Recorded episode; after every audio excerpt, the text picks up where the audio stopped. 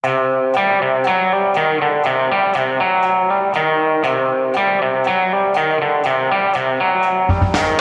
visste jeg at alle disse dagene som kom og gikk, de var selve romjula, og de var selve tiåret, og øh, nå er det nesten over. Men i dag, på denne siste podkastdagen i Gjever og gjengen, så skal vi øh, oppsummere de to siste årene. Og det har vært litt vanskeligere å velge tema, rett og slett jo nærmere man kommer. Det er noe pussig med det, Hanna, at det er mye lettere å se historien og skjønne og forklare. og Etterpåklokskap er et veldig godt eh, verktøy når man analyserer, er det ikke det? Jo, for hvis man er langt tilbake i tid, så husker du bare de viktigste tingene, for det er det som står ut. Mens når du er tett på i tid, så er alt på en måte like viktig. Eller er det mange flere ja. saker som popper opp. Du får, jeg tror du får renset hjernen mer. Er kjendisfarmen like viktig som, uh, like viktig som regjeringsskiftet? Liksom? Absolutt. not. Eh, I hvert fall hvis du skanner VGs eh, forsider. Men eh, det vi har falt ned på, er at vi skal snakke om, det er i første omgang, altså helt på begynnelsen av 2018, så gikk Venstre inn i den blå-blå regjeringen og gjorde den da til en, hva blir det, blå-blå-grønn regjering. Og det skjedde ikke helt Altså, det hang litt sammen med ting som hadde skjedd i 2017, Tone Sofie? Ja, gjorde det? Ja, altså litt, det var litt problemer der i, i, starten, fordi du hadde hatt hele den metoo-greia i 2017. Og så kom Trine Skei Grande opp i en sånn voldsom sak om noe som skulle ha skjedd på et bryllup oppe på dine trakter i uh, lang tid i forveien. Ja, for det var jo når de her tre partiene satt ned på Jeløya uh, radio og forhandla, så begynte jo de her nyhetene å Nyheter får vel sette i anførselstegn, i og med at det hadde skjedd ti år tidligere. Som, eh, poppa veldig mye opp eh, gjennom sosiale medier om en hendelse tilbake i tid knytta til Trine Skei Grande. Eh, og det bryllupet som har vært mye omtalt. Jeg tror ikke vi trenger å gå så i dybden på det, men, men det tok jo veldig mye fokus fra det som var en veldig stor eh, dag både for eh, Erna Solberg og ikke minst for Venstre, at de gikk inn i den regjeringa. Jeg ikke detaljer, men jeg vil bare sitere hva Trine Skei Grande eneste hun sa om den saken, var jo at nei, hun hadde ikke gjort noe galt og sånn, men jeg er trønder og er vært på fest. ja. Og nå har vi to trøndere i dette studiet som kan forklare oss østlendinger hva det betyr. Begynn du, Tone Sofie. ja.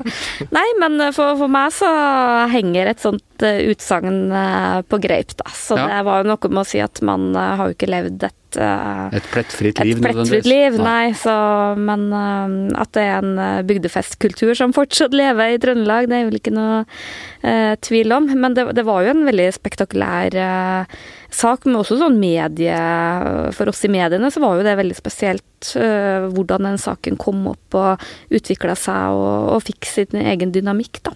Ja. Fordi i utgangspunktet denne personen som hun skulle hatt en interaksjon med, for å holde oss til sånne, han uh, mente jo at uh, alt hadde skjedd frivillig, og han var uh, gammel nok til å gjøre sånt, og det var egentlig ikke et problem i utgangspunktet? Nei, og så var det et rykte som måtte ha levd i veldig mange år, som jeg tror alle etablerte medier har vært veldig samstemt om at uh, ikke hører hjem. Uh, men så var det jo nok en gang da uh, håndteringa til Venstre som valgte å gå ut og kommentere de ryktene. og det var sikkert en strategi der om at det skulle liksom legge saken død, men det fikk jo Eh, som du veldig ofte gjør, den helt motsatte effekten. når du bare kommenterer halvveis og det liksom ikke alt er blitt forklart, så fylles det opp med rykter og spekulasjoner. Ja, og det er jo en sak som fortsatt ligger litt sånn og knuger for eh, Venstre, og, og ligger under der og ødela opptil flere landsmøter for, for partiet, da. Ja. Vi har ikke tid til denne oppsummeringen å, å gå inn i alt der, men eh, Venstres eh, inntog i regjeringen, hva fikk den å si for eh, styringen av Norge. Ja, Da trengte det jo fortsatt KrF, og det åpna nok døra for at KrF også gikk i gang med en prosess, lenge bebudet prosess, om hvorvidt de skulle inn i regjeringa eller ikke. Ja. Eh, og da ble det jo en veldig dramatisk høst òg. Men, men, fikk vi noe sånn Har det blitt noe grønt skifte? Er det noe grep på rattet? Er, har små og mellomstore bedrifter eh, fått det bedre? Er, eh, har man kjent igjen det rause Venstre som, eh, som han Odd Einar Dørum alltid snakket om? Sosialliberale. Ja. Venstre har i hvert fall gått fra å være i beste fall mellomstor til å bli et veldig veldig lite parti. Ja. Så for Venstre var det ikke noe godt valg. For bitte, bitte små bedrifter. For bitte, bitte små bedrifter. Jeg tror politisk så fikk du ikke veldig mye ut av det, vil jeg mene. Det, det, som er liksom, Når vi kan se litt tilbake, da, så Eh, så har vi jo liksom lenge trodd at det var KrF som holdt igjen på å gå inn i regjering, men nå kommer det jo liksom fram bl.a. i den eh, boka til eh, Kjetil Solvik-Olsen at det var jo Venstre som ikke ønska å gå inn i regjering i, da det ble en Høyre-Frp-regjering. I utgangspunktet? Ja, ja og jeg skjønner meg jo egentlig ikke helt de valgene de har gjort for da var det veldig sånn stor enighet i Venstre om at vi er nødt til å gå inn, vi er nødt til å ta et aktivt valg for å, for å løse alle våre problemer. Men jeg tror nok at både for KrF og Venstre sitt vedkommende, å gå inn når en regjering har sittet i seks år, og liksom få med seg liksom de to siste litt slitne årene, eh, sånn i etterpåklokskapens lys, så tror jeg kanskje at de skulle ha gått inn og vært med fra starten og forma det prosjektet og fått med også de gode årene. For det er vanskelig å se at man skal, liksom, skal klare å snu det her fram mot 2021 og få den entusiasmen. Ja, de er litt slitne i pelsen alle sammen, også nykommerne Venstre og KrF, særlig venstrefolka. For det var jo den eh, andre store sånn eh, regjeringssaken, det var jo Kristelig Folkeparti. Skulle de gå inn? Eh, Hareide satset alt på ett kort her. Og i en litt sånn ganske, hva skal vi si, oppjassa moralsk modus om å, å si nei til ja, høyredreiningen av samfunnet og sånn? Ja, det var en spektakulær prosess som var i KrF, hvor han, som du sier, la eh, satsa alt på et kort, ønsket å få med seg KrF på et regjeringssamarbeid med Arbeiderpartiet og Jonas Gahr Støre. Og la det ut til åpen avstemning på Og som et litt sånn verdivalg. Verdivalg, det gode mottoen, ja. eller eh, varme mot det kalde, osv. Mm. osv. Og, og la det ut til partiorganisasjonen, som på sine årsmøter skulle velge representanter, som skulle da være med på å avgjøre dette. Og aldri har en valgprosess og nomineringsprosess i Kristelig Folkeparti eh, på lokalt nivå vært fullt med større interesse fra oss i Akersgata. Nei, men det var jo helt fantastisk. Altså, vi kjørte jo Kunne ha tre årsmøter på en gang direkte på VG Live på fronten, VGTV, hvor titusener av nordmenn satt fjetra, klistra til skjermen for å følge direktesendte årsmøter i KrF. Det var liksom på finalen på første Big Brother i 2001, eller? Ja, det var helt utrolig. Det var en interesse. Vi så det på lesertallene våre, og folk var virkelig opptatt av dette. Jeg tror, Det var en veldig fint skoledemokrati. Jeg tror mange nordmenn lærte seg noe om partidemokrati, om årsmøter, hvordan ting er bygget opp, argumentasjon jeg syns det var innmari gøy, det må jeg bare få lov til å si.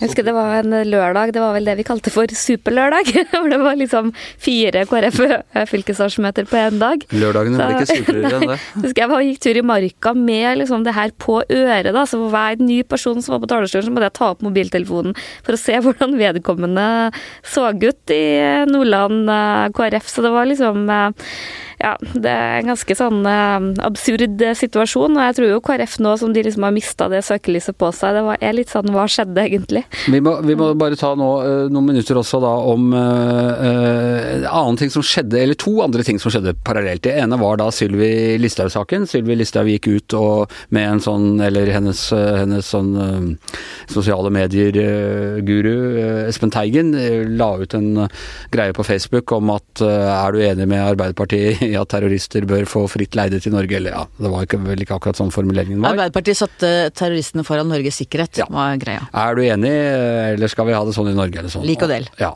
Og sånn hadde jo Sylvi Lysthaug og Teigen holdt på en stund, men da var det plutselig begeret fullt for Arbeiderpartiet?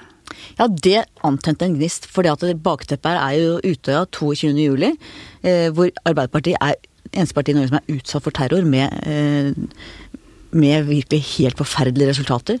Så de følte, en del AUF-ere og Arbeiderpartiet følte at dette var et angrep direkte på dem.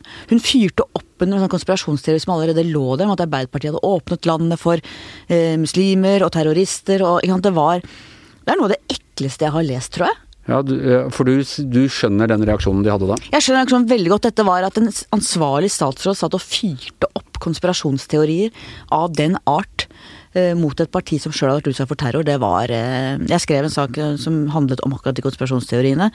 Den mest leste saken jeg har skrevet noen gang, var virkelig Folk var rasende på tvers av partigrenser, tror jeg hele Norge følte at dette var så langt over streken at det ligna ingenting. Og så var det altså Rødt som stilte mistillitsforslag, og Sylvi Listhaug skulle be om unnskyldning i Stortinget om hun måtte opp en tre-fire ganger, eller flere ganger i hvert fall. Ja, for jeg, jeg tror faktisk at uh, eh, verken hun eller hennes rådgiver helt skjønte omfanget av det de gjorde. Uh, uh, og, ikke helt forutså de reaksjonene, at det skulle stikke så dypt i særlig Arbeiderpartiet. problemet der var jo liksom den manglende evnen deres til å til å mm, styre seg inn igjen. For de var jo ikke i stand til å beklage, eller selv om de ble bedt om det både fra statsministeren Og jeg husker jo, det var jo veldig selsom den opplevelsen i Stortinget hvor uh, Listhaug var oppe og ba om en beklager på en sånn måte som uh, Det var litt sånn ja. 'jeg beklager at du er så lett å krenke'? Ja, det var, det var veldig sånn derre Det ga virkelig og egentlig ikke beklage en veldig ny mening. Så var jo til og med Jan Tore Sanner var jo borte og, og snakka med henne før hun måtte opp igjen. Det var ganske tydelig hva som var budskapet der. Han beklaga jo på vegne av eh, regjeringa, og, og, jeg tror jo på en måte hadde liksom de skjønt det med en gang, og liksom lagt seg flat, og jeg skjønner at jeg ble opp... Sånn, så hadde jo kanskje ikke det her vært så stor sak, men liksom når man ikke klarer å innse det og, og gjøre noe med det, og, og tapte nok uh, veldig mye sånn eh, posisjon som sånn troverdig eh, regjeringsstatsråd eh, på det, da. Men og det var litt av bakgrunnen for at Kristelig Folkeparti og Hareide også var såpass uh, Hadde piggene ute den veien, må man kunne si. Ja, for han har jo, har jo kraftig, tok jo noen kraftige oppgjør med Frp, det, og de beskyldte jo han for å sleike imamer oppover Ikke bare de, det var selvsamme Sylvi Listhaug. Selvsamme Sylvi Listhaug som mente ikke sant, sånn at Der var det isfront, og så måtte hun gå som følge av denne eh, Facebook-posten, som kanskje gjorde det lettere for KrF, og, i hvert fall for noen i KrF, å gå inn i regjering. Mm. Og så kom hun jaggu meg tilbake igjen etter ja. at KrF har gått inn. Altså, men også litt sånn derre hva som kunne ha skjedd, for uh, jeg tror nok at KrF ville ha gått for mistillit.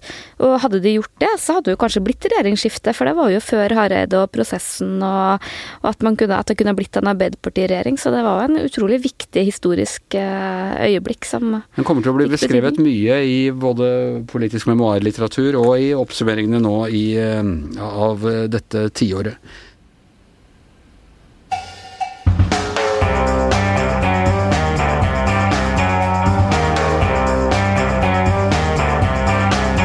Ja, og når vi sitter her nå på en av årets siste dager, så uh, vi, har vi også lagt bak oss uh, det foreløpig siste kapittel i brexit, uh, brexit, hva skal vi si, sagaen. Uh, Yngve Kvistad, du har fulgt den hele veien, og nå har vi jo vært gjennom Vi har diskutert nå alt før jul og, og kommunevalg Nei, kommunevalget, sier jeg. uh, parlamentsvalget. Uh, og, i det, og, i det, hele tatt. Men Boris Johnson har fått et kjempemandat til å styre Storbritannia, det som måtte være igjen av det, fremover. Hvordan, hvordan ser brexit ut nå når vi går inn i 2020? Det ser like uoversiktlig ut som det gjorde for uh, en god stund siden, og en liten stund siden. og, og nær sagt hva slags perspektiv du legger på det. For at, uh, ja, Boris Johnson har fått et veldig klart mandat fra, fra velgerne om å nå da ta Storbritannia ut av EU. Uh, eh, og han vant jo valget med å ha det enkle budskapet. ikke sant? Let's get it done. Ja, Det blir jo sagt at politikere ikke skal ta med seg mer enn tre budskap inn i en debatt. Han hadde kutta ned til bare ett. Det var litt Let Altså, get it done, få brexit gjort. Uh, uh, og det gikk jo hjem, da. Altså, ja. det var som, Uansett hva han ble spurt om, så var jo svaret uh, få brexit gjort. og klart, med den utslittheten og en fornærmelse sånn fatigue som hadde inntredd den britiske befolkninga, så var det veldig mange som holdt seg for nesa og stemte og, på, på Jeg må si, jeg skjønner dem godt, for ja, jeg hadde nesten lyst til å si ja, for pokker, bli ja. ferdig med dette styret nå. Ja. Dere vil ut. Men så er det jo igjen ikke sant, at uh, Gjør det, gjør det, gjennomfør det. ja, nettopp. Uh, det har jo vært sagt om Boris hele tida at han, han, tar litt lett på sannheten og, og sånn.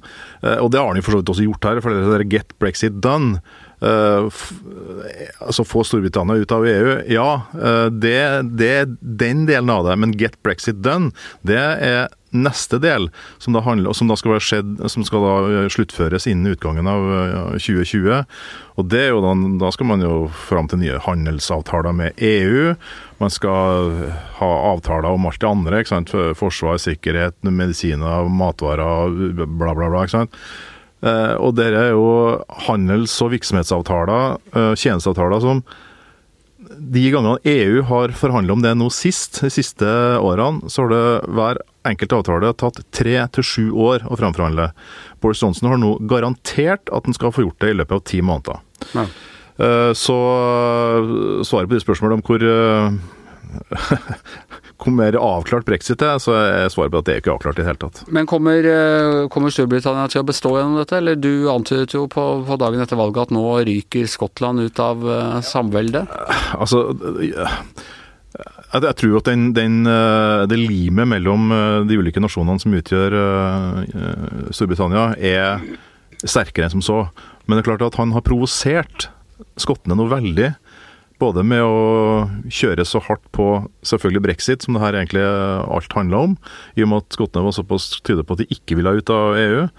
Eh, det var jo mellom 62 og 80 av skottene som, som stemte mot, og, og, altså mot brexit. da. Så, så, det er et veldig sånn sterkt opprør der. og klart Når eh, SNP, skotske nasjonalistpartiet, fikk så, eh, ble så styrka under valget, så har jo, har jo Nigella Sturgeon, som da er liksom førsteminister, skotsk førsteminister og leder for partiet, hun har jo oppfatta det som et klart mandat fra skottene om nå å gå videre med den løsrivelsesprosessen. Og de har jo allerede også gjort en del undersøkelser. Noen taler veldig for at, at skottene kan klare seg sjøl. Noen tar det imot. Så, så, det er litt om hvem som, eh, som setter opp tabellene. Sagt, men klart de, de har jo primærnæringene. De har olje, de har fiskeriressurser. Eh, de har også store deler av Forsvaret, altså alt som er av atomvåpen f.eks. på britisk jord, står, står oppe der. De har eget parlament, de har egen høyesterett, de har egen jurisdiksjon, de har egen kirke. Uh, de trenger bare startpakka fra Ikea? Egentlig. Ja. Det blir spennende uh, å se i året som kommer, om, eh, om Wales, og det er mange ja, som kan, uh, kan, melde seg ut. Men, det, men, men, men bare si at jeg, jeg, tror nok at, at, Boris Johnson vil vise seg som en litt annerledes statsminister enn han gikk til valg som. Jeg tror nok at en del av de på den militante høyresida som så han som sin mann, antageligvis vil bli litt skuffa. Fordi at uh, For å få det prosjektet til å gå i hop, så er Boris nødt til å bevege seg mot sentrum. Uh, det, det sa vi om Trump òg. Jo, men altså, det er jo sagt litt sånn spøkelse, spøkelses, spøkefullt at uh, det, er egentlig, det, er egentlig, det er egentlig Boris Johnson har tenkt, det å liksom skape et nytt New Labour ja. for å få det til å gå i opp, men vi får nå se, da. Ja.